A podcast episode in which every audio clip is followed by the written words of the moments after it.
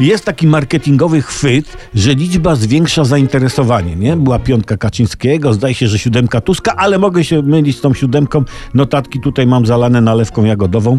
E, Jest dziesiątka Mojżesza, prawda? Setka wujka na weselu, nie jedna. Liczba przyciąga uwagę, dlatego mamy w internecie rozkminy typu siedem powodów, których skutki będą opłakane, nie?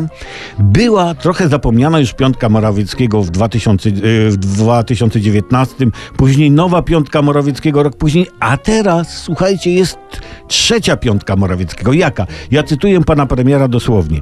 Apeluję do wszystkich przedsiębiorców, którzy handlują produktami żywnościowymi o odpowiednie obniżenie cen produktów o 5 złotych. Koniec cytatu. Jest bardzo dobry pomysł, no bo apel pana premiera powinien być dla handlowców rozkazem. I ja bym na waszym miejscu wszedł na przykład w kajzerki.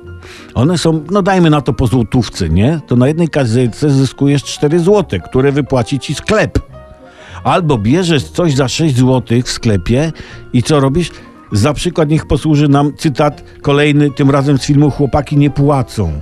Podchodzimy z tym czymś za 6 do kasy i mówimy, tu cytat z filmu, daj piątaka. Kasjer pyta, to jest jakaś zorganizowana akcja? Taka akcja, żebyś dał piątaka. Można, można. I to jest ta najnowsza piątka Morawieckiego, oby została wprowadzona w życie. I ta piątka stanie się fundamentem, na którym Polki i Polacy zbudują swoje fortuny.